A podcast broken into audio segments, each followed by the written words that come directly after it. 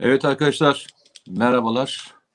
Bir haftanın arkasından e, sizlerle beraberiz.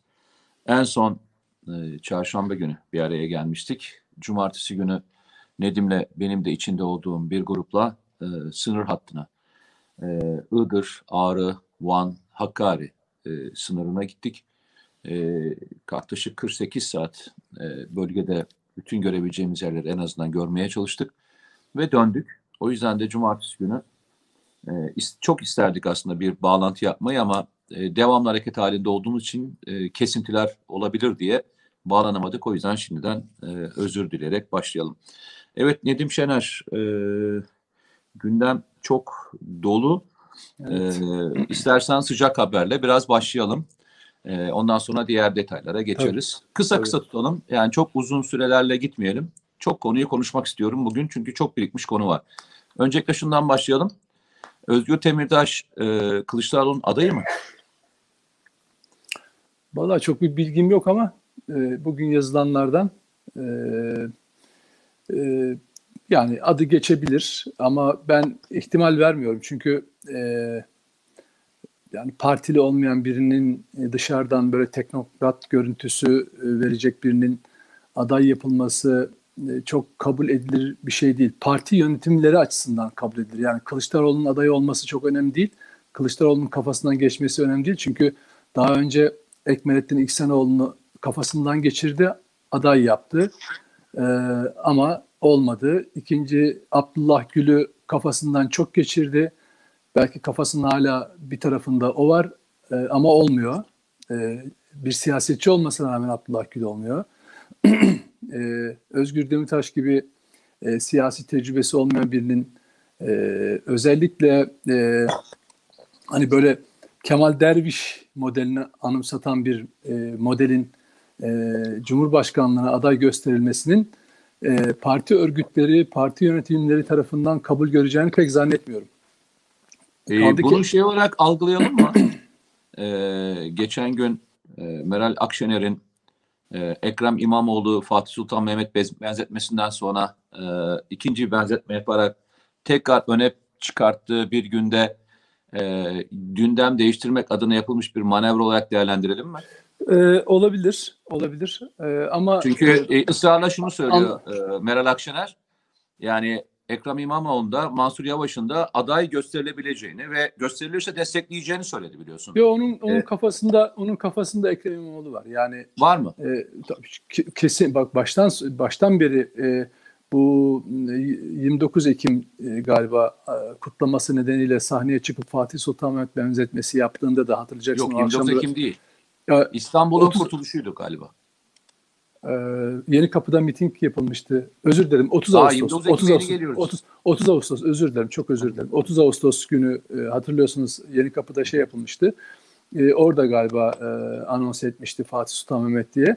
Ondan sonraki açıklamalarında kendisinin e, aday olmayacağını e, söyleyip fedakarlık yaptığını söyleyip e, ısrarla Kemal Kılıçdaroğlu'nun adaylığına desteği doğrudan bir destek vermeyeceğini, e, daha doğrusu destekliyorum demediğini altını çizmiştik hatırlarsan. Ve e, Mansur Yavaş'la İmamoğlu'nu Kılıçdaroğlu'ya eşitliyor bu anlamda.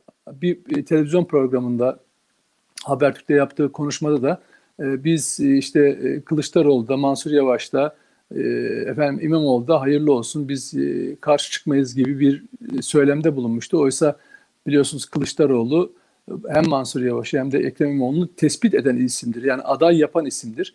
Onlarla onu eşitlemek demek e, aslında diğerlerini yukarıya çıkarmak demek. Onlar içerisinde de Mansur Yavaş'ın değil ama Ekrem İmamoğlu olduğunu birkaç seferdir e, telaffuz ediyor. Yani dolaylı olarak telaffuz ediyor. Artık bunu anlamak mümkün değil. E, dün de işte bir videosu, dün de daha doğrusu bir televizyon YouTube kanalında söylediği Rabbi Esir benzetmesi aslında ona bir kutsaliyet atfettiğini de gösteriyor. Yani İmamoğlu sadece bir e, şey değil hani CHP'nin bildiğimiz klasik CHP ya adayı şey gibi soracağım. değil. Ben bir şey soracağım burada. E, tam da e, açtığın için. Mesela bunu e, Türkiye'de muhafazakar diyebileceğimiz bir kesim e, böyle bir benzetme üzerinden bir siyasetçiye bir e, güç e, devşirmeye çalışmış olsa ne olurdu Türkiye? Türkiye'de bir şey olmazdı. Ee, sadece o şeyler e, İyi, İyi Parti, CHP'nin troll ordusu var ya yandaşları var hani bu kalemleri var, yandaş kalemleri falan. Yeri göğü inletirlerdi. E, bu ne işte? Bunların bunlar hala e, böyle bir kutsaliyet atfederek siyasette dini kullanıyorlar gibi laflar ederlerdi. Ama hı hı. gördüğün gibi burada İmamoğlu'na Rabbi Esir benzetmesi yaptığı zaman hiç sesleri çıkmıyor. Zaten bunlardan böyle bir şey beklemek mümkün değil hocam. Yani e, işte dünkü e, mecliste yaşanan skandal. Oraya hiç geçme, oraya hiç geçme. Tabii, o, o skandal. ayrı bir o tabii, ayrı bir konu. Tabii. Ona girersen yani, çıkamazsın. Ne yaparsan onu en yap. son alacağız. Ne, tabii tabii. Ben ne, neye benzetirsen benzet, ne dersen de ne yaparsan yap. O onlar e, analarından haklı doğmuş tipler tamam mı? Onlar analarından hep şey e, ne derler? E, demokrat doğmuş tipler. Onlar hata yapmazlar. Hep karşı taraf hata yapar. Başkaları hata yapar. Ama onlar yapmazlar. Onların yaptığı hepsi hepsi doğrudur. Dolayısıyla onlardan helaldir böyle bir şey beklemek Onların yaptığı her şey helaldir Tırnak içinde helaldir diyorum yani evet. Mete. O yüzden yani şeyin e, İmamoğlu konusunda böyle e, sessiz, derinden, ince ince toplumu işleyen, siyaseti işleyen bir tutum var Akşener'in. Onun Cumhurbaşkanı adayı olmasını istiyor. Hatta bazı anket firmaları, bazı gazeteciler, bazı televizyon yorumcuları e, ısrarla İmamoğlu'nun nasıl güçlü bir aday olabileceği konusunda konuşuyor. Ki bunu Kılıçdaroğlu'na rağmen yapıyorlar. Yani Kılıçdaroğlu'nun o kadar etkili olamayacağını açık açık da neredeyse söyleyecek duruma gelecekler.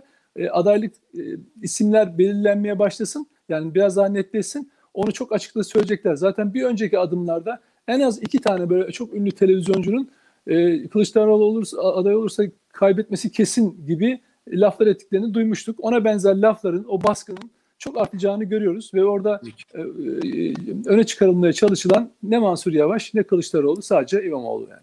Peki. Bir arkadaşlara çok uzun zamandır böyle selam veremedik. Onların da selamlarını alalım. Çünkü bizim programın en güzel taraflarından bir tanesi burası e, birbirini gerçekten hani e, tutkuyla seven insanların buluştuğu bir yer. E, çünkü bunu işte sen de yavaş yavaş artık görmeye başladım. Ben güvenli bölgeden bunu çok iyi biliyordum.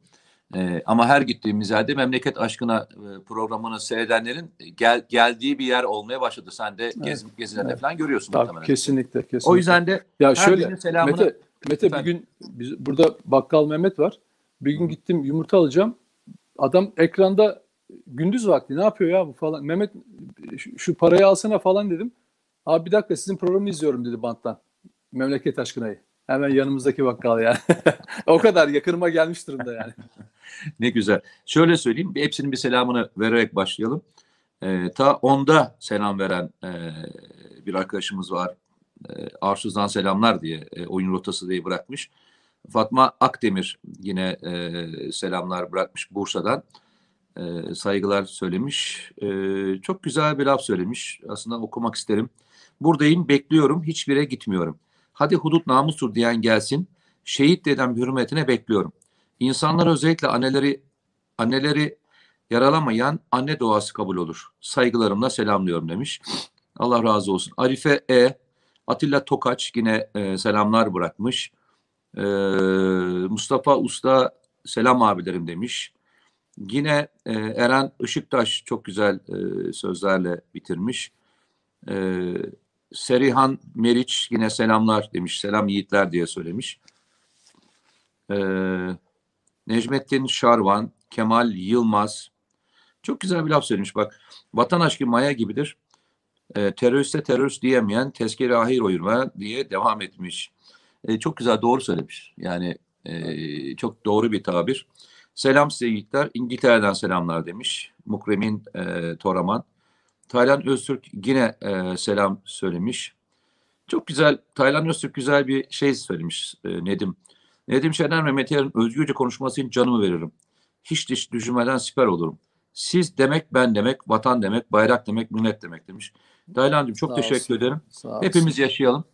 Ee, yaşça bizden küçüksün. Ee, bize siper olmak sizin önünüze siper olmak demektir. Biz sizin önünüze siper oluruz arkadaşlar. Onu da bilin. Danimarka'dan selam var Barış e, gün gördü. İzmir'den selamlar var. E, Bakırköy'den Nedim Şener'e selamlar demiş Rasim. E,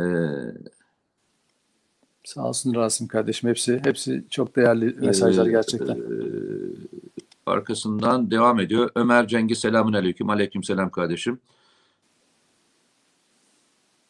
Ve böyle devam ediyor. Yunus Emre'den, e, Recep Aslan'dan, Gökhan Dilben'den, Erdoğan Oy'dan böyle selam selam selam selam ne zamana kadar gelmiş. Daha program başlamadı. 11.56'ya şu anda hala hayırlı yayınlar diyen arkadaşlarım var. Ee, Yunus Emre Şan sınırda yaşananları anlatmanızı bekliyoruz. Onu hudut namustur e, mevzusuyla beraber e, biraz değineceğiz arkadaşlar. E, biraz sona doğru olacak. Kusura bakmayın. Yine e, Tekin Gönce 11.57'de bırakmış. Memleketimin vatansever aşıklarına Romanya'dan sevgiler. Farkında mısın? Yurt dışından da anormal bir şekilde e, takip edildiğimiz. Yani şu anda Birleşmiş Milletler gibi gidiyoruz. E, Allah e, size mahcup etmesin bizler arkadaşlar. E, başka bir şey daha var. E, Sayın Cumhurbaşkanı bende geri vites yoktur diye bir tabir kullandı. E, bunu niçin kullandı ve niçin söyledi? E, biraz değinemek ister misin? Nedim?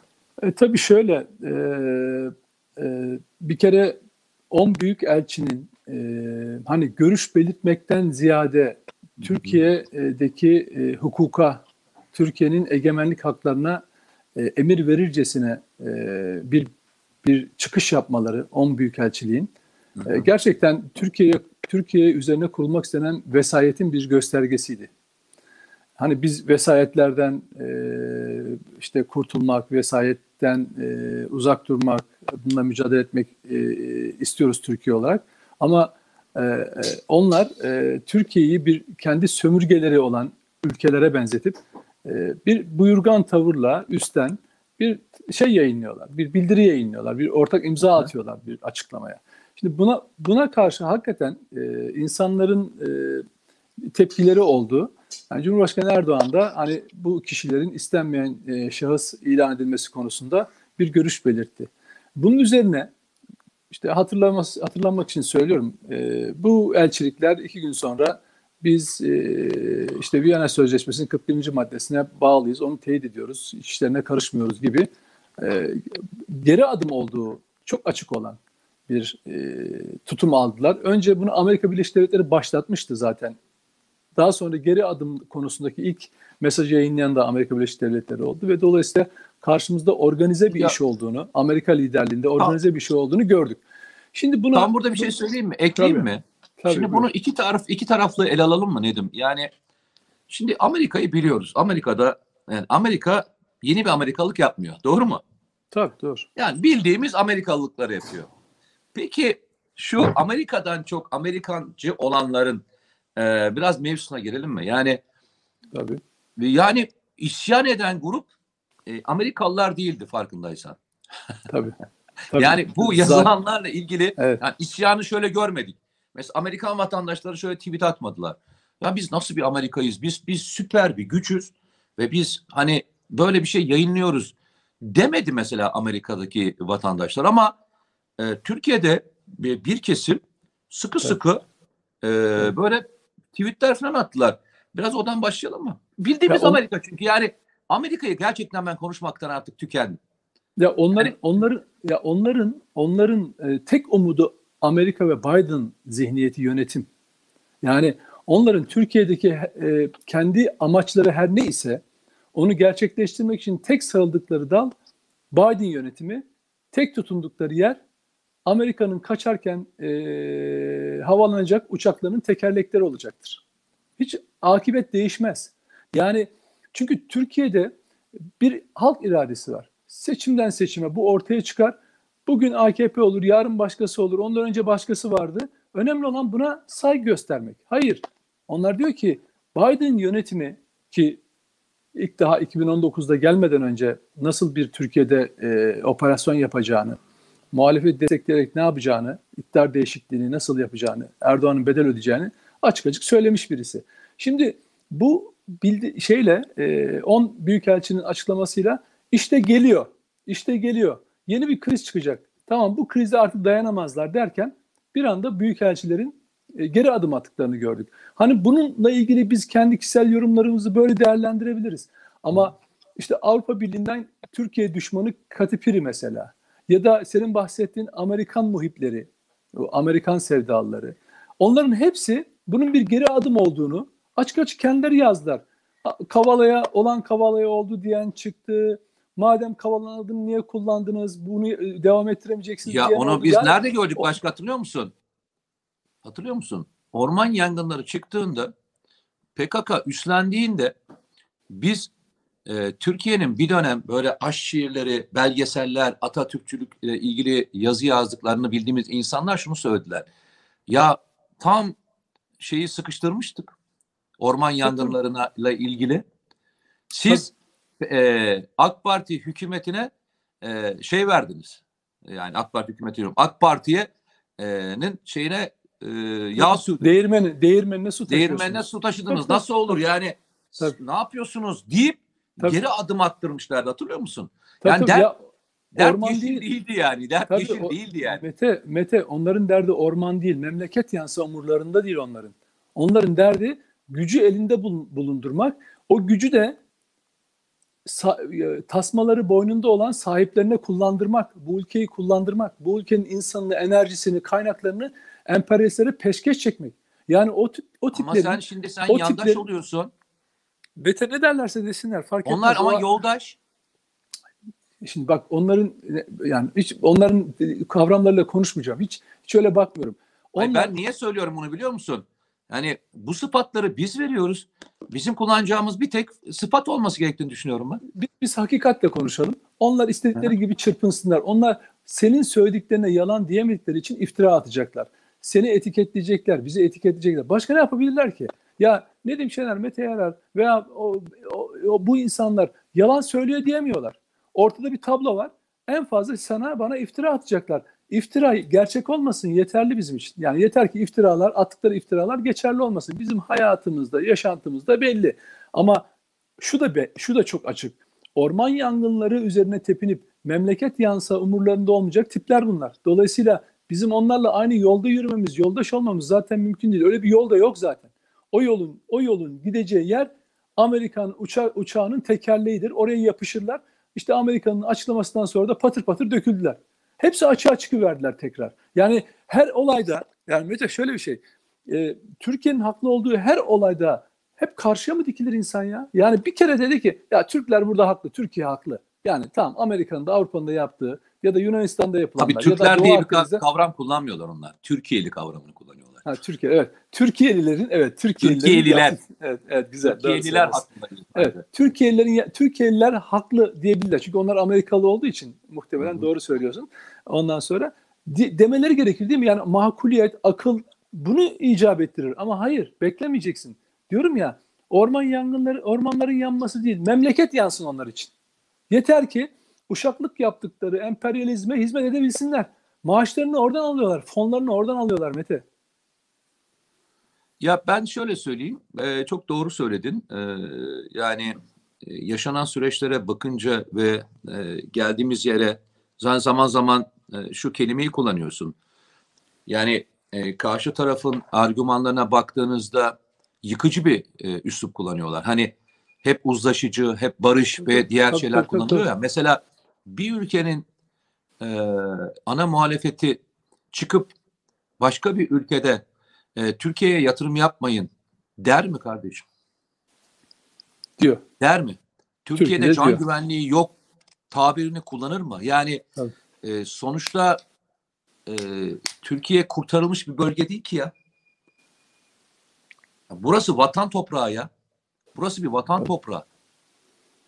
Bu vatan toprağında senin savunacağın ve kavga edeceğin yerler Türkiye'deki e, muhataplarınken yurt dışına çıkıp verdiğin görüntünün anlamını ve söylemlerini anlamakta zorlanıyoruz ya. Şimdi bence hiç zorlanmıyorum. Bugün geldiğimiz yerde tam bu tabir üzerine kullanacağım. Hudut namus mu? Hem de gezilerinle beraber alarak devam edelim. Bugün hani iki günlük 48 saatlik bir gezi yaptık e, Güneydoğu Anadolu bölgesinde. Evet. Oradan başlatarak oradan da tezkereye doğru gelebilirsin yavaş yavaş. Tabii. Tabii. Ama kısa kısa Şimdi- gidelim. Karşılıklı Tabii. konuşmayı tercih ederim. Şimdi arkadaşlar e, Türkiye'nin nasıl büyük bir devlet olduğunu e, şu 48 saat içinde bir kez daha gözlerimizle teyit ettik. Yani kalbimizde hissettik. e, aklımızla gö, aklımızla e, aklımıza nakşettik. Nasıl bütün sınır hattı boyunca binlerce kilometre duvar örüp onun yanına güvenli e, devriye yolu yapan ve bu 2000-3000 metrelerde inşa edilen bir güvenlik duvarından bahsediyorum. Ve orada e, sayıları on binleri geçen e, vatan evlatları nasıl can siperhane Türkiye'nin sınırlarını her bir taşını namusu gibi koruyan vatan evlatlarını gördük. Yani ben Mete, e, Mete'yle de arkadaşlara da paylaştım. Sonra Twitter'da da paylaştım. Oradaki o gençlerin, askerlerin, polislerin, korucuların motivasyonunu görünce yani insanın içinden şu geçiyor. Burada insanların yanında can vermek istiyorum diyorsun yani. O kadar vatanını böylesine motive olarak seven insanların olduğu bir yerde insan gurur duyuyor. Yani devletiyle, milletiyle, evlatlarıyla, vatan evlatlarıyla bu ülkenin ne kadar büyük olduğunu.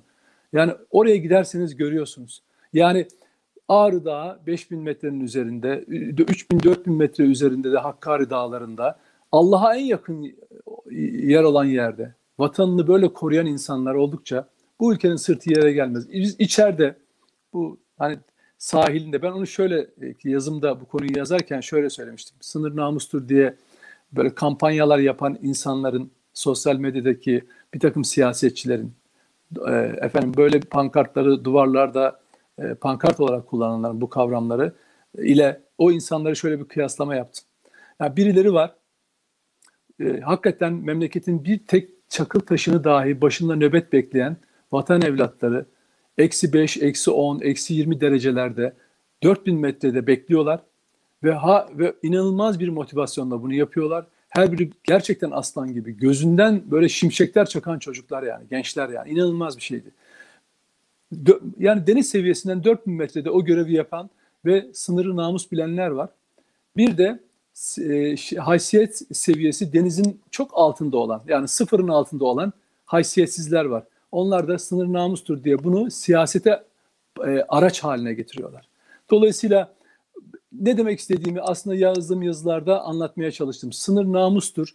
Ne, sınırın na, nasıl namus olduğunu gidip orada gözlerinize görüyorsunuz. O yüzden hakikaten hem Mete İçişleri Bakanlığı yetkilileri, bu konuda çalışanlar, herkese o geziye katılan bütün arkadaşlar dahil, oradaki vatan evlatları dahil hepsine minnettarlığımı e, sunuyorum burada. Şimdi tabii e, öyle bir şeyin üzerine geldi ki bu olay. E, tam da bu gençler yani şöyle durduğumuz yerden birkaç kilometre ilerisi Irak sınırı, öbür tarafa gidiyorsunuz Suriye sınırı ve bu çocuklar o, o oralarda terörle mücadele ediyorlar. Neyle yapıyorlar bunu? Türkiye Büyük Millet Meclisi'nden aldıkları e, Türk Silahlı Kuvvetleri'ne verilen yetkiyle. E, yani tezkereyle değil mi? Şimdi Türkiye e, 2014'ten beri bu tezkereyi çıkartıyor ve o bölgede... Bir dur, tezkereye çok... gelme. Tamam. Tezkereye gelme şeyde biraz bir izlenimlerde gidelim oradan tezkereye evet. gelelim. Evet. Ee, senle konuşurken de e, sen de birçok orada gö, e, görevliyle görüştün. Bu en üst devletin en üst düzeydeki e, bakanından tut oradaki sınırda nöbet tutan e, görevliye kadar birçok kişiyle sohbet etme imkanın oldu. Öyle mi Nedimciğim? Tabii tabii. tabii Ve tabii. E, bu görüşmeler sırasında insanları aslında en üzen e, kelimelerden bir tanesinin ne olduğunu duydum. Hangi bu kelimeye sınır çok... namustur, sınır namustur lafına çok e, e, üzüldüklerini gördüm. E, sınır çünkü namus olarak korunuyor orada. Yani e, görev yapanları ben şöyle anlatayım size arkadaşlar. Şimdi bizim zamanımızda da bizim görev yaptığımız dönemde de e, şark hizmeti vardı ki jandarma teşkilatıyla silahlı kuvvetler e, özellikle şark hizmeti konusunda en fazla Güneydoğu Anadolu bölgesine, Doğu ve Güneydoğu Anadolu bölgesine giden e, bürokrattır veya bürokratik e, kesimdir. E, bizim dönemimizde e, daha önceki dönemlerde belki bir şark, ikinci şark gelirse gelir. E, jandarma teşkilatı üçüncü şarkı bilirdi zaten, üçüncü şarka giderdi. E, şu anda Güneydoğu Anadolu bölgesinde e, şeyde e, sınır hatlarına göre yapanlar dahil olmak üzere çünkü tamamı artık kara kuvvetlerine verilmiş durumda. Karşılaştığımız yüzbaşı rütbesindeki e, kardeşlerimiz üçüncü şarkını yaşıyorlar. Yani bu şu demek e, yani ne diyeyim size 10 10 12 senelik meslek hayatımda üçüncü şarkını yazıyor. Yanlış anlamayın buna şeyi dahil etmiyorum. Irak operasyonlarını ve e, şey operasyonu dahil etmiyorum. Suriye veya yurt dışındaki başka operasyonları dahil etmiyorum. Çünkü oradaki e, kardeşimiz e, batıya tayin olduğunda batıdaki birliği Suriye'de olabiliyor ve Suriye'ye geçiyor. Batıdaki birliği Irak'taki operasyonlarda oluyor, Irak'taki operasyonlarına gidiyor. Şimdi bunu yapan arkadaşlarımızın tamamı o hudut hatlarında. Yani mesleği mesleğin ötesinde bir e, sevgi, hürmet ve vatan hizmeti yapma e, iste ihtiyaçlarında. Siz şunu söyleyebilirsiniz. Ben buna e, hak veririm. Her zaman da verdim. Gördüğünüz bir eksiklik, ihmal varsa bu kelimeyi sarf etmek dünyanın en doğru ve en e, iyi muhalefetidir. Çünkü tamamlayıcı olur, eksiği görür e, ve o eksiği de görülmeyen taraflarıyla o gücüyle halleder. Ama yaptığınız kelimeler ve tercihler siyaset adınaysa asıl görev yapanların her birini kırıp geçirdiğinizin farkında değilsiniz. Yazık olan bu. Yani üçüncü şarkına giden bir yüzbaşının gözündeki kırgınlığa alacağınız yüz binlerce oyu değişmem biliyor musunuz? Yüz binlerce oyu değişmem. Onun gözündeki kırgınlığa. Oradaki bir uzman çavuşa. Çünkü artık sen de gördün Nedim, bölgeye gittiğimizde gördün. E, operasyonel birliklerde zaten bir tek şey kullanılmıyor. E, ne derler ona? Profesyonel olmayan bir asker kullanılmıyor. Evet. Hudut hattında e, kullanılıyor. Hudut hattında kullanılıyor ama operasyonel olduğunda bir faaliyet bunu yapanların tamamı profesyonel birlikler müdahalede bulunuyorlar. Şimdi şöyle söyleyelim. Oradaki herkes bu kadar özveriliyken insanların hududun delik deşik olduğu iması çok güçlü bir kırgınlık yaratıyor. Çünkü hudut dediğiniz şey bir bütündür. Hudut dediğiniz şey Gürcistan hududu içinde geçerlidir. Trakya'daki e, hudut içinde geçerlidir. Varsa bir eksiğiniz deyin ki kardeşim A bölgesinde sıkıntı var ve A bölgesinden geçişler var. Ve bu bölgede bir ihmal ihmaliniz var dersiniz. Ama siz bütün her yerde sıfır hatayla çalışmaya çalışan insanlara bu ibareyi bu kadar ağır kullandığınızda bir durun derim. İki, benim ilk görev huduttu. 1989 yılıydı. 1989 yılında gördüğüm tabloyla bugünkü gördüğüm tabloya baktığımda diyeceksiniz ki tabii ki teknoloji ilerledi. Arkadaşlar yani ben 2000'leri de gördüm merak etmeyin. 2000'lerde de hudutları gördüm. 2000'lere de Dağlıca Karakolu'nu gördüm. 2000 2000'lerin başına da e, Dağlıca Karakolunu gördüm. Hatta 2010'lar değil mi? Efendim?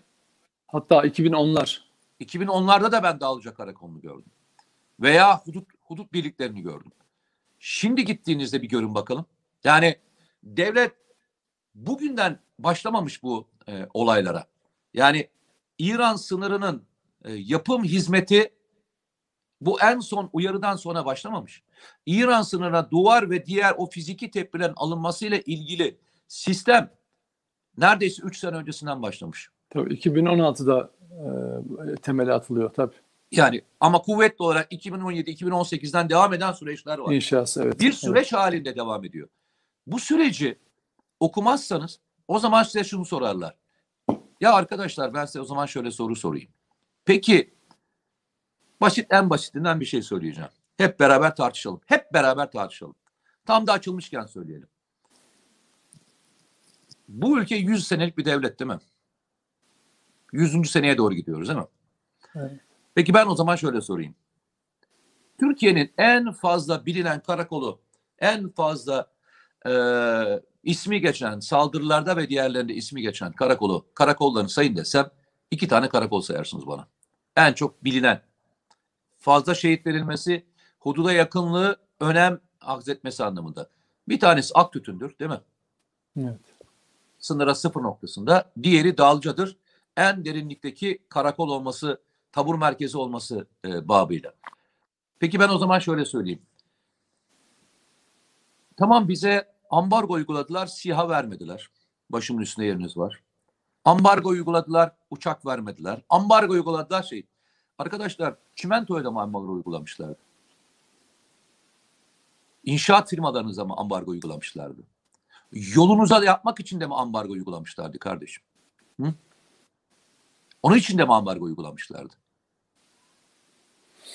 Kale kol tabirini o bölgeye aktarmak için daha önce ne zaman şeyiniz vardı, mazeretiniz vardı? Ne mazeretiniz vardı? Seninle beraber gittik hatırlıyor musun? 3500 rakımlı bir tepede. Evet. Ve neredeyse dağın ucunda değil mi? Şöyle dağın Aynen. hani Tabii. böyle olabilecek tek düzlük noktasına üst bölgesi demiyorum. Kale kollar yapılmış. Kale kollar. Yolları yapılmış tamamen. Çift gidiş çift geliş yolu yapılmış. Yani çift gidiş dediğim gidiş geliş yolu yapılmış. Ve ben mesela çok sık gittiğim halde arkadaşlara giderken şunu demiştim.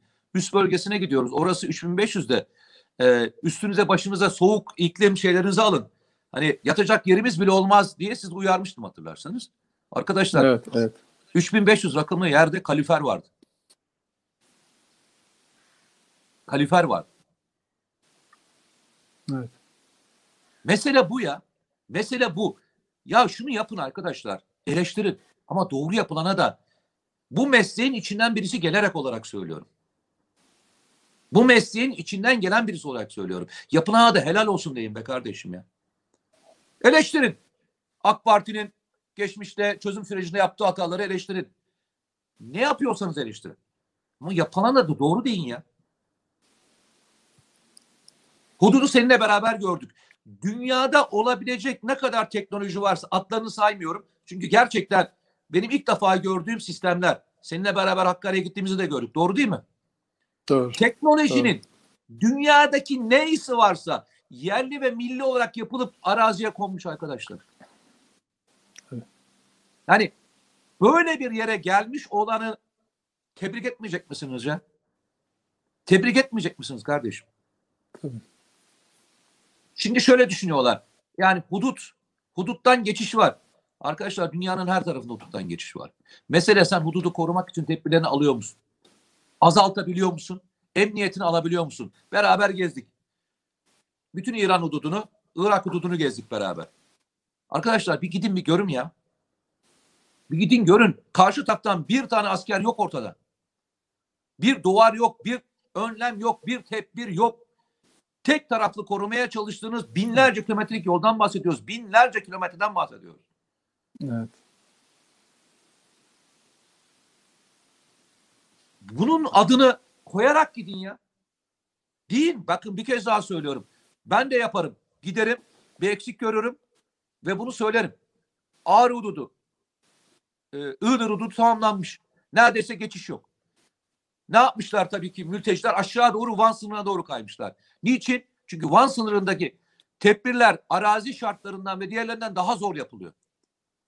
Öbür taraflar biraz daha düz olduğu için e, hızlı bitirebilmişler. Bu taraf biraz daha zorlanarak yapıyor.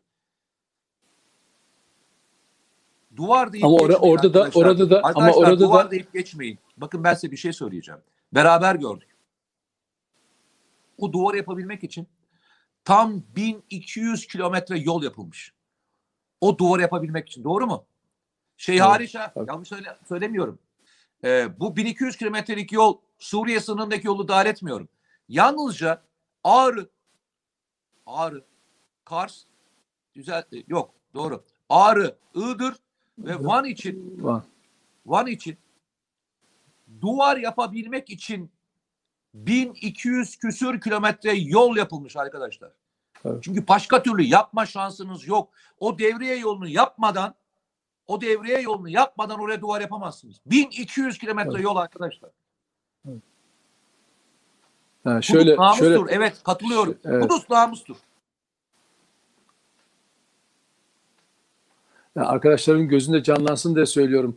Ee, Iğdır'dan çıktığınız zaman e, orada rakım yani deniz deniz seviyesinden 800 metre yükseklikte Iğdır. Oradan çıktığınız zaman güvenlik duvarı boyunca yapılan devriye yolunda ta şu anda Van'a kadar gidebiliyorsunuz. Gidip gelebiliyorsunuz. Yani dağları ve Van'a doğru gelirken Ağrı'da mesela 2700 metreye çıkıyor yükseklik. Ve bu böyle düz işte böyle e, bir, doğru bir açıyla gitmiyor. Dağların tepesinde iniyor, çıkıyor, kayaların üzerinden iniyor, çıkıyor. E, eksi yerleri e, dolguyla köprü yaparak tamamlıyorlar ve o bütün hat boyunca araca bindiğiniz zaman e, devriye yolundan güvenlik duvarı boyunca ilerleyebiliyorsunuz. Ve Mete'nin örnek verdiği Van Van'a doğru kayıştan bahsetti ya. Şimdi Van'a sınırımız bizim 560 kilometre ve bunun 500 kilometresi 2022 yılının sonuna kadar kapatılmış olacak. Yani iş o kadar ciddi ve hızlı bir şekilde ilerliyor. Şu anda yarısından fazlası kapatılmış durumda. O kısmı da kapatılacak. Dolayısıyla hani Türkiye Cumhuriyeti'nin o haritası vardır ya meşhur doğu ve güney sınırları tamamen beton duvarlarla ve devriye yolları ayrıca 10 tane ayrı e, elektronik güvenlik sistemleriyle korunur hale gelecek. O yüzden zaten Türkiye girişler azaldı. Yok denecek kadar. Türkiye'ye girişler azaldığı için İran içeride yaşanan birikimi, Afgan birikimini geri püskürtmeye çalışıyor. Günlük 5000'e yakın Afganistan sınırından İran'a giriş olurmuş. Şimdi İranlılar bunu bine kadar düşürmüşler ve ilk kez sınırın böl, sınır bölgesinde kamp oluşturmuşlar. İlk kez. Ondan önce nasıl olsa Türkiye'ye bunlar gidiyorlar diye hatta yardımcı olarak insan kaçakçılığına göz yumup Türkiye'ye gelmelerini sağlıyorlardı ve Türk sınırına kadar geliyorlardı. Şimdi o duvarın örüldüğünü ve Türkiye'nin bu konuda çok etkili mücadele yaptığını gördükleri için de artık İran da kendi e, duvarını örmeye başlamış. Yani ve bununla ilgili Türkiye'ye görüşmeler yapmaya başlamış ki İran geçişler ilk, ilk tıkanınca kendisine duvara karşıyken. Tabii. Tabii birikiyor. Onun için şimdi kendi duvarını da örüp kendi önlemini alıyor. Türkiye'deki modeli e, yapmaya çalışıyor. Yani bu Türkiye'nin duva, sadece fiziken bir duvar değil. İnsanların yani Türkiye'ye insan kaçakçılığı yapmak isteyen veya kaçak göçmen olarak gelmek isteyenlerin kafasında bir bariyer örüyorsunuz. Önemli olan budur zaten. Yani insanlar Türkler sınırlarını güvenliğe almışlar. Geçmeye izin vermiyorlar. Asker, elektronik sistemlerle, polisiyle koruyorlar. Dedirttiğiniz zaman, onu düşündürttüğünüz zaman size yığılma olmuyor. Bunun benzeri 870 kilometre, bakın 911 kilometrelik Suriye sınırının 870 e, kilometrelik bölümü Suriye'de tamamen kapatılmış. Bunun yapılabileceğini tahmin eder miydiniz? Yani bundan 5 yıl önce ben size böyle bir şey söylesem ki o zaman katıldığımız heyette bazı üyeler bile ya böyle bir şey yapılması imkansız e, yani hani çok hayali bir proje falan filan ama yapılmış ve şu anda uzunluğu ne kadar? 1079 kilometre. Belki şu anda 1100 kilometreye çıktı. Biz döndük geldik. 1100 kilometreye çıktı bu e, şey ve 2022'nin sonunda göreceksiniz o Van sınırı kapandığında sınırın nasıl namus olarak korunduğunu insanlar görecekler. Bu aynı orman yangınlarından örnek verdiğin gibi nasıl Türkiye'yi aciz göstermek isteyenler varsa sınır namustur pankartları açıp bunun bunun Türkiye'ye karşı ters propaganda kullanmaya çalışanlar utanç içinde kalacaklar. Ha diyeceksin utanacaklar mı? Hayır çünkü zaten onlar utanmazlar yani Mete. Ee, evet, e, şimdi tam da geldiğimiz yer burası. Hudut Namustur'dan e, tezkereye gelelim mi istersen? Onunla da Tabii, bitirelim. Gelelim. Tabii. Buyur. Tezkereyle başlayalım. Valla şimdi ben 17 Şubat 2021 tarihli yazımı e, ekrana arkadaşlar versinler. Onun üzerinden konuşayım. E, Hürriyet Gazetesi'nde yazdığım yazıda şunu söylemiştim. E, PKK HDP'nin HDP PKK nesili HDP, HDP nesili CHP diye yazmıştım. Ne zaman? 17 Şubat tarihinde. E, bu bu yazıyı niye yazmıştım? Gara'da 13 e, şehidimiz e, olmuştu biliyorsunuz. O konuyla ilgili açıklamaları alt alta koymuştum ve burada CHP yönetiminin Kılıçdaroğlu'nun Türkiye'yi suçlayan, Türkiye'ye yönelik bu, bu, bu olayda, bu acı olayda PKK terör örgütü ve onun siyasi uzantısının la beraber benzer açıklamalar yapıp Türkiye'yi suçlaması sadece e, neye anlama geliyor diye yazmıştım. Ki daha önce de bunu defalarca söylemiştim. E, HDP ile işbirliğini. Şimdi bunun aslında dünkü tezkerede e, HDP ve CHP'nin e, Irak ve Suriye'deki terörle mücadele konusundaki tezkereye hayır oyu vermiş olmaları yani bu iki imza e, ben aslında bir şey onların, ee... onların onların onların ittifak belgesidir. Yani artık e, şeyin e, CHP'nin HDP ile bizim hiçbir ittifakımız yoktur e, demesinin hiçbir anlamı kalmamıştır. Çünkü HDP PKK güdümünde bu tezkereye karşı hayır kampanyası başlattı.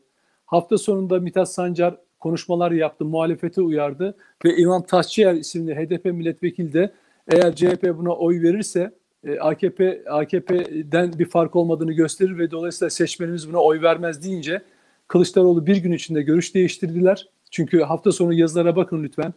E, bazı internet siteleri var CHP'ye yakın.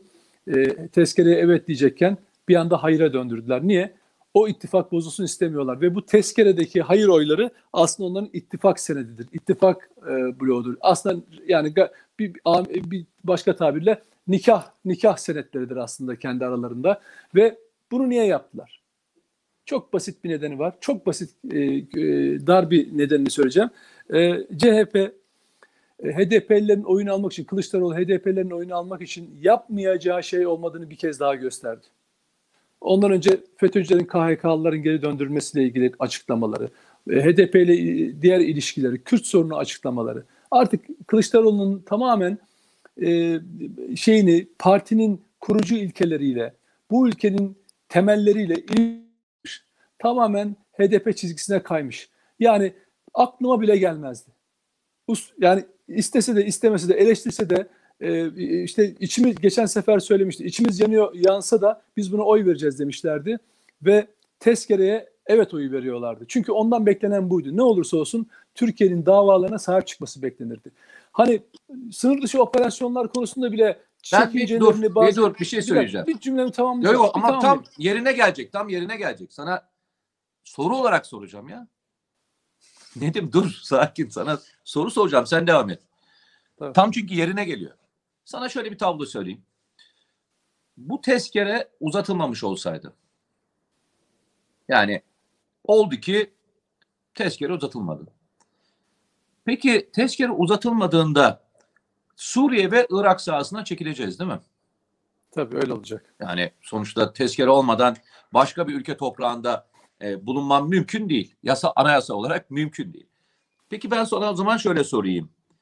Bizim yaklaşık 2018'den beri, 3 yıldan beri temizlediğimiz sahadan yani PKK'nın e, bölgeden atmak için uğraştığımız 3 senelik emeği ne yapacaktık? Tabii. Çok güzel, çok önemli. Başka bir soru. Hadi hep beraber konuşalım. Türkiye'nin en büyük sorunlardan bir tanesi. Bunu CHP'de, İyi Parti'de, işte diğer partiler de denk getiriyor. İşte göçmen sorunu. Hudut namustur. Evet. Değil mi? Tabii. Peki o zaman e, biz çıktığımızda bu bölgeye, İdlib'e, işte ne diyeyim diğer sahalara, rejim güçleri ve diğerleri PKK'lılar saldırdığında bu insanların kaçacağı yer neresi olacak yine? Tabii Türkiye. Türkiye. O zaman arkadaşlar e, bunların sonuçlarını bilmiyor musunuz? Yani sizin hayır dedi şöyle bir şey mi bu? Hani ilk defa bir yere bir adam gönderirsiniz anlarım. Hani şöyle dersiniz ki kardeşim ben bu şeyin içinde yer almak istemiyorum. İşte örnek vereyim. Afganistan e, savaşın içinde yer almak istemiyorum. Ama bu başımızın üstünde. İyi de 3 seneden beri PKK'yı bitirmek için yapılan mücadele bunun nihai hedefi neresiydi? Türk Silahlı Kuvvetleri'nin koyduğu hedef neresi? 100. yıl tamamlanmadan Kandil diye bir şey kalmaması değil mi? Öyle değil mi? Yani evet, bir nihai evet. hedefi var bunun. Yani bu şöyle bir şey değil ki Irak topraklarında gezintiye gitmiyorsun ki. Bunun bir nihai hedefi var. Irak topraklarında asla PKK'nın varlığının olmaması üzerine kurgulu bu. Yani şöyle değil. Hakuk bölgesini bir temizleyeyim geri geleyim falan değil. Bu kalıcı bir operasyon. Tabii. O zaman soralım size. O zaman gitmemizi ve PKK'nın bitmesine geri gelirsek o bütün üç senelik şehitler, emekler ve diğerlerini ne yapacaktık? Biraz girmek ister misin bu konuya? Ya tabii şöyle e, bunun bu boyutlarını düşünerek mi hareket ettiler? Çünkü bunlar ihanete girer Mete. bunlar vatana ihanete girer. Bu söylediğin cümleler var ya, e, bunun düşünerek böyle davranmış olmaları bunun vatan sevgisiyle falan izah edilmez. Bu ihanetle izah edilir. Çünkü e, Türkiye sınır içerisinde PKK varlığını 180'in altına düşürmüş. PKK ben sana söyleyeyim mi? Şu anda hale geldi. E, inan 170'in altına düşmüş olma ihtimali çok daha büyük. Tamam. Yani bak şimdi bunun altına düşmüş. Bu neyle yapılmış? Sınır ötesinde yapılan etkili operasyonlarla, MIT'in, TSK'nın yaptığı operasyonlarla orada örgütün 50'den fazla üst düzey yöneticisi e, imha edilmiş.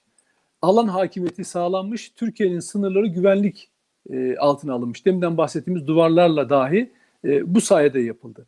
Şimdi bunları terse çevirecek bir karara imza atmak ya da böyle bir tavır almak vatan sevgisi falan izah edilmez. Atatürkçülükle, Kuvayi Milliye'yle izah edilmez. Onlarla da kapatamazsın bu ihaneti. Bak çok ciddi şeyler söyledim. Çok ciddi şeyler. Öyle hani bir programda söylenmiş laflar değil. Bu, bu lafları oturun, Mete'nin söyledikleri sözleri yazın. Ne anlama geliyor? Bunlar ihanet anlamına geliyor. Peki şöyle bir basit soru soralım. Türk Silahlı Kuvvetleri'nin, Türkiye'nin Suriye'de bulunmamasını kimler istiyor? İstemiyor. Tekrar. Türkiye'nin Suriye'de, Irak'ta bulunmamasını kimler iste istemiyor? Bulunmasını. Kimler istemiyor? Bir, PKK istemiyor. İki, Amerika istemiyor. Üç, Esad istemiyor. Rusya istemiyor. Bak. Ve bir de CHP istemiyor. HDP ile birlikte. Düşünebiliyor musunuz? Geldikleri çizgi burası.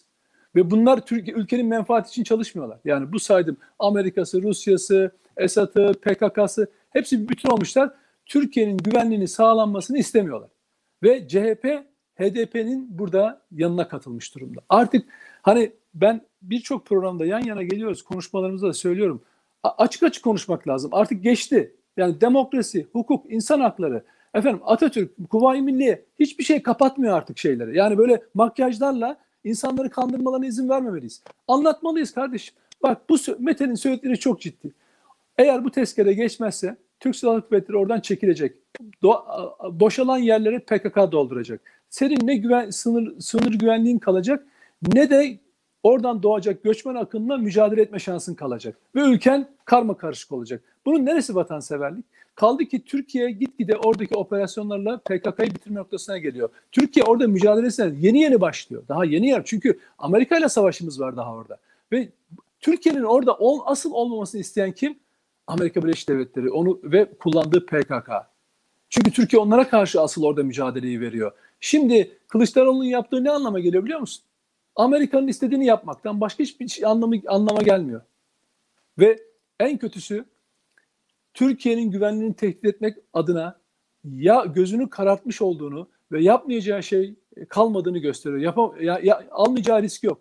Sırf HDP'lilerin oylarını da yanında tutmak amacıyla. Yani böyle böyle bir tehlikeli gidişat, gidişatı var e, Kılıçdaroğlu'nun.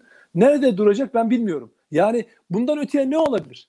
Bundan öteye aklıma hiçbir şey gelmiyor. Yani CHP'nin e, Irak ve Suriye tezkerine daha önce bir de şu var. Hani çıkmış bir de gerekçelendirmeye çalışıyor. Yabancı asker bulundurulması. Ya o yabancı asker bulundurulması insanların kafasını nasıl karıştırılır? İşte bu cümlelerle karıştırılır. Yabancı asker bulundurulması DAEŞ'la mücadele bir uluslararası e, ko- koalisyonla yapıldığı için onu bir madde olarak koyuyorlar. Bunu en yetkin askeri uzmanlar bile dünden beri yazıyorlar. Kılıçdaroğlu yabancı asker niye bulunduruluyor? Bulundurma hangi ülkenin askerleri? İyi daha önce diye. söylediği, daha önce kabul ettiği tezkerenin içinde de var ya. Aynısı. Var var onu söylüyorum bak 2-3 sefer süresi uzatılan bu tezkerenin içinde yabancı askerlerin bulundurulması kavramı yer alıyor ama hiçbir zaman bu kullanılmıyor. Yani böyle bir girişimde ol, olmamış. Ne yabancı askerler gelmiş, ne böyle bir girişimde bulunmuş, ne Türkiye kimseyi davet etmiş. Bu uluslararası DAEŞ'le mücadele uluslararası koalisyon gerektirdiği için oraya konulan usulü bir madde. Bunu işte mesela Ahmet Yavuz yazmış dün e, bazı Twitter takipçilerine. Ya bu daha önceki tezkerelerde de olan usulü bir şey. Şimdi hal böyleyken insanların kafasına yabancı askerlerin ne işi var? Sen milliyetçi misin? Sen milliyetçi misin? Yani sen milliyetçi misin? Sen PKK'nın e, HDP'ye verdiği talimatla tezkere her kampanyasına, kampanyasına katılıp hayır oyu vererek milliyetçilik mi yaptığını zannediyorsun? İnsanları böyle mi kandıracaksınız? Atatürk ismiyle mi kandıracaksınız ya insanları? Ya biraz vatanınıza sahip çıkın kardeşim. Ben şu, şu mesele şu. Bak Kılıçdaroğlu ve onun yandaşlarından hiçbir şey beklemediğimi biliyorsunuz. Yıllardan beri söylüyorum bunu. Ben bu 15 Temmuz kontrol darbe dediği andan itibaren hiçbir şey beklenmeyeceğini ve bütün o çizgisini devam ettirdiğini, işte KHK'ların iadesi, Kürt sorunu deyip kenara çekilmesi, bu tezkere meselesiyle ondan hiçbir şey beklenmeyeceğini gösterdi. Yandaşlarından da zerre kadar bir şey beklemiyorum. Ben şunu söylüyorum. O sınırda nöbet bekleyen çocuklar var ya. O hani sokakta bizim karşılaştığımız zaman birbirine sarıldığımız vatan evlatları var ya. Biz sıkı duracağız arkadaş. Biz dışarıda düşmanla, içeride bunlarla mücadele edeceğiz. Bunu da bunun için yapıyoruz. Bunları bunun için konuşuyoruz. Zerre kadar bir şey beklemiyorum. Hiçbirinin de hiçbir kıymeti harbiyesi yok. Utanmaları yok. Zerre kadar ilkeleri yok. Dolayısıyla e, bu mücadele bu ülkenin fedakar evlatlarının mücadelesidir ve biz onların yanındayız o kadar. Ee, çok doğru. Ee, başından beri konuştuğumuz seninle beraber bu programa başlarken de bir mottomuz vardı. Doğru mu? Tabii. Biz e, her şeyi yerinde görmeye, e, araştırmaya, bir parti gözetmekte sizin de doğruyu anlatmaya çalışacağız. İsterseniz bu farklı farklı konularda olsun kimin ne işine yarayacağı konusu bizi çok fazla ilgilendirmiyor. Söylediklerimizin hangi partinin söylemine uyup oymadığı bizi çok fazla ilgilendirmiyor. Bizi ilgilendiren vatanın ve milletin ne düşündüğü. Yani e, biz e, başkaları gibi bir siyasi partinin içinde yer alıp aynı zamanda içinde e, yer almıyor gibi e, davranmıyoruz. Biz neysek oyuz ve öyle devam ediyoruz. Evet, Söylemlerimiz hiç değişmeyecek arkadaşlar. E, Nedim Şener e, öyle söyleyeyim. Biz e, ilk geldiğimizde e, neysek oyuz ve evet. öyle devam etmeyi düşünüyoruz. Evet. Arkadaşlar hepinize çok teşekkür ederim. E, bugün e, ilginiz de çok fazlaydı gördüm. E, Baya büyük bir ilgiyle takip ettiğiniz programı. Allah razı olsun hepinizden. E, içtenliğinizden, bizi yolda karşılamanızdan, bize eşlik etmenizden, bize arkadaşlık etmenizden fikri arkadaşlarınızdan, dualarınızdan e, biz güç alıyoruz. Yanımızda olduğunuzu biliyoruz ama her zaman söylediğim bir kelime vardır. Mesele çokluklar içinde değil, yokluklar içinde de inancınızı koruyabilmek ve bunun mücadelesini yapabilmektir. E, lütfen e, etrafınızdakilerle konuşmaya devam edin.